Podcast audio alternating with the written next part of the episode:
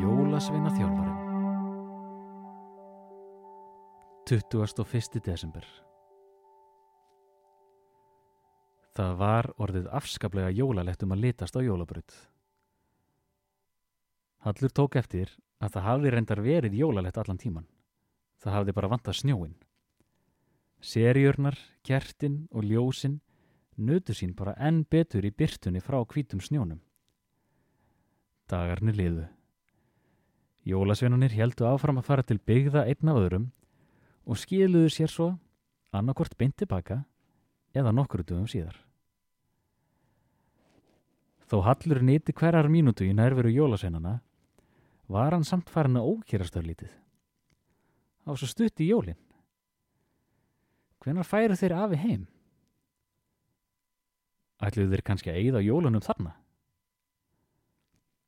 Hallur gæti ekki farið einn tilbaka og skilið afa eftir þegar tilgangur ferðarinnar hafði ju einmitt verið að ná í afa. Og hvernig myndi amma útskýra fyrir mömmans og pappa hvar hann væri ef þau kemur til hennar og þar væri engin Hallur?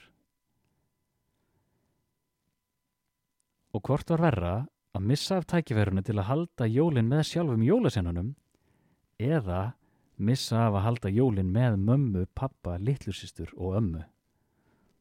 Og hvað með alla pakkan hans? Hvað ætli amma sé að gera núna? Hugsaði Hallur. Þegar leiðir skildi á fjallunu hafði hún sagst ætlað útbúa eitthvað með kaffinu þegar Hallur og Afi kemur tilbaka. Við erum búin að vera svo lengi að hún lítur að vera búinn að smurja heilt fjall af flatbröðu með hangikjöti.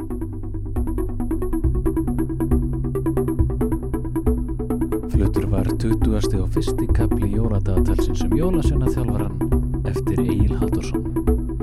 Þykist útvarpið 2021